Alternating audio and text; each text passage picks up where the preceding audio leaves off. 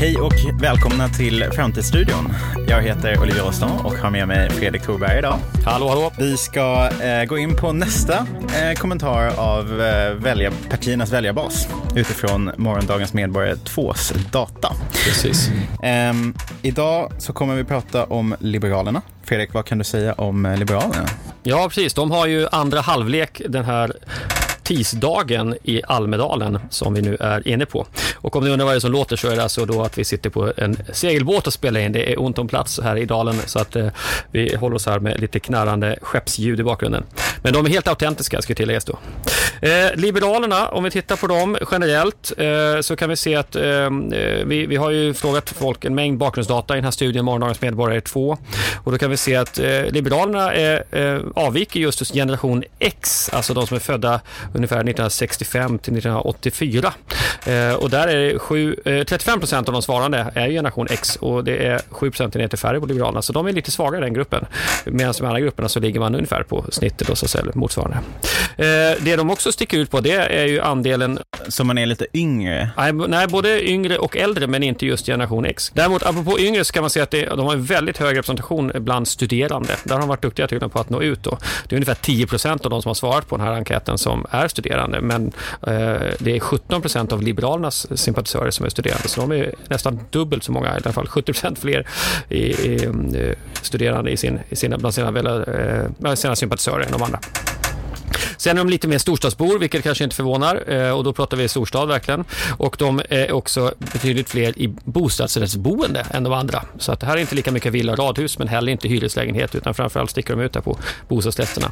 Men det är inte så att de inte bor i de andra formerna också. Eh, det ska jag inte säga. Nej. Men det sticker ut, det är bostadsrätter. Och det kan ju säga något om att man bor i en urban miljö, många människor. Ja, kanske så konstigt då om man, om du, som du sa, storstadsmiljö. Nej, precis. Sen kan man säga lite generellt då att eh, det, där de sticker ut riktigt mycket, det är att vi har ställt frågan om man tycker att det borde vara mer makt, eh, man, alltså samhället borde så förlägga mer makt på nationell nivå eller på kommunal regional nivå eh, eller i globala organ eller vet ej, kan inte svara så att säga. Och här sticker de ut ganska ordentligt att de här ser ju gärna mer makt på nationell nivå. Svenskarna i allmänhet så är det 35 procent som tycker det, men bland liberalerna så är vi uppe i 52 procent som tycker det. Så att de är väsentligt mer eh, öppna för tanke på mer makt på nationell nivå. Eventuellt så speglar ju det här eh, diskussionen inom skolfrågan där man pratar om ska vi förstatliga skolan och liberaler brukar ju historiskt sett i alla fall vara väldigt engagerade i skolfrågan så det kan ju vara det som syns här. Men det är en, det är en spekulation. Är det också ett då, tecken på att eh, man ställer sig för någon form av centralisering i det syftet? Ja, ofta är det ju det som är poäng. Ja, precis. Ofta är det tanken med det här förstatligandet. Så att det skulle bli en kvalitetssäkring på något sätt och inte lämnas lika mycket ut till eh, förtroendevalda eh, utbildningsnämnder i, i kommuner och så. Um, en annan sak som sticker ut är att 70% av svenskarna upplever sig vara en del av det svenska samhället. Jag känner mig som en del av det svenska samhället. Bland Liberalernas sympatisörer så är det 83% så att de, är, de känner sig så väl etablerade i samhället i hög grad, ska jag påstå. Uh, samma sak där som är lite relaterat är att de upplever sig också ha kunskaper och färdigheter som man kan bidra med i samhället. Som liksom ett gott självförtroende som att vara en aktiv medborgare kan man tolka det som de möjligtvis. Då. Hur ser vi på rättigheter och skyldigheter hos liberaler då? Mm. Här var de ganska roliga tycker jag, för att eh, som sagt man väljer ju rättigheter och skyldigheter från en lång lista som vi har formulerat i enkäten. Då. Och här är man ju, det som man sticker ut på det är faktiskt att sätta sig in i och ta ställning till aktuella samhällsfrågor eh, och skaffa sig de kunskaper och kompetenser för, som krävs för att kunna få jobb.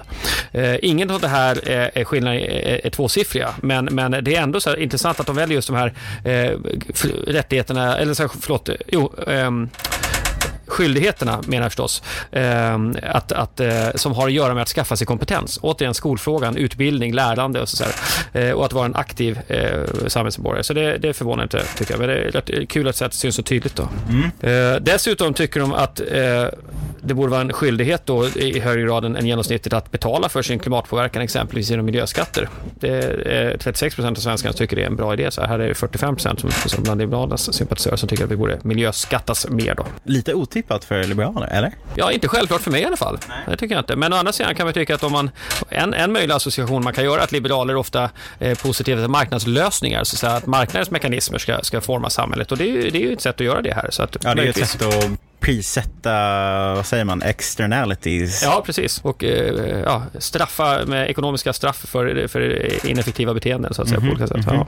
ja. men det är logiskt. Mm. En sak som eh, tyckte jag var, eh, gav mig ett leende i alla fall, eh, att läsa, det var en skyldighet då, som eh, man kan fundera på, men det, det står ändå så i enkäten, så att, säga, bryt, att, att en skyldighet att bryta mot lagar och normer som är skadliga för samhället och dess invånare.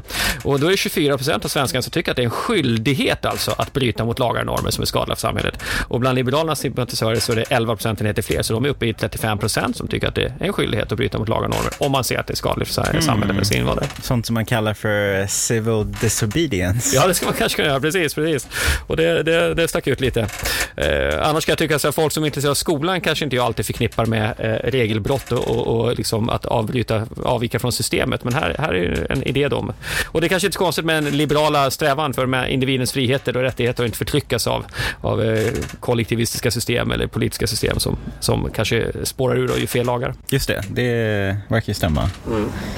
Eh, du sa tidigare att, eh, när vi pratade att eh, liberaler är teknikoptimister. Ja, det, det, är de verkligen.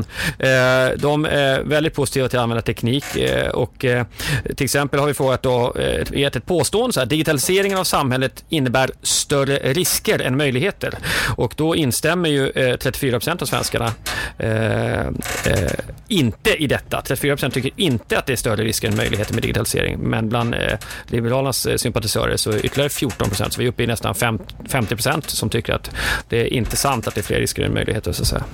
Eh, dessutom eh, har vi ett påstående det är bra för mig och hela samhället om myndigheter, sjukvården och omsorgen så mycket som möjligt använder tekniska hjälpmedel som till exempel AI för att hjälpa medborgaren. Och här är det ju då 35 procent som håller med om det i någon mån. Och, men man, bland eh, Liberalernas sympatisörerna så är vi uppe i, i 47 procent. Så de är tvåsiffrigt mer positiva till att använda olika automatiska robotsystem då för att eh, myndighetsservice, vård och omsorg. Så.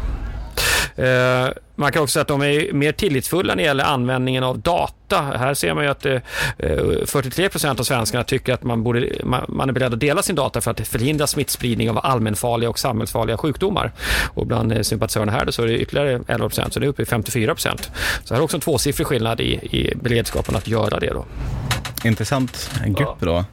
Eh, en, apropå också en kombination om man tar liksom, eh, om vi går in på hållbarheten då, som är det andra fokuset här, så kan man se, eh, då har vi gett möjlighet för, för de som svarar här att eh, välja från ett antal alternativ. Vad skulle vi kunna, hur kan vi göra samhället mer hållbart? Hur, hur ska myndigheter och regioner, till exempel kommuner, jobba för att få folk att och, ehm, eh, agera mer eh, ekologiskt hållbart? Då? Och då har vi gett ett alternativ att genom smart kommunikation och design uppmuntra människor till att göra hållbara val genom så kallad nudging, som har ju varit ett begrepp som verkligen har varit i ropet de senaste åren. Då.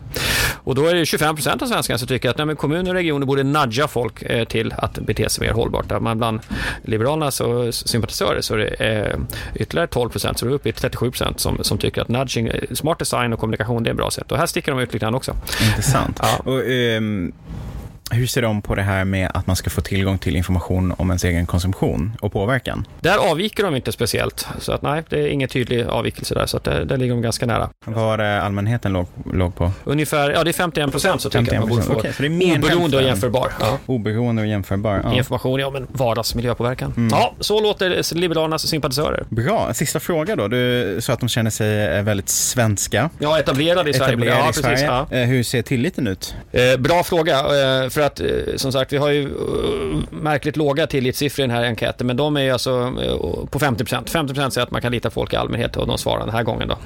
Um, och då är det 12 procentenheter fler bland Liberalerna som tycker att man kan lita på folk i allmänhet. Så det tillhör ju bland de mest positiva. Så, så att de har, de har hög tillit till, till samhället. Hög tillit, rätts och teknikoptimistiska, positiv inställning till eh, någon form av ramverk för att eh, prissätta eller hantera miljöfrågor på, på, på större nivå. Och, mm. eh, ja. Mm, och mer makt åt, eh, åt nation, på nationell nivå. Då, mm. så.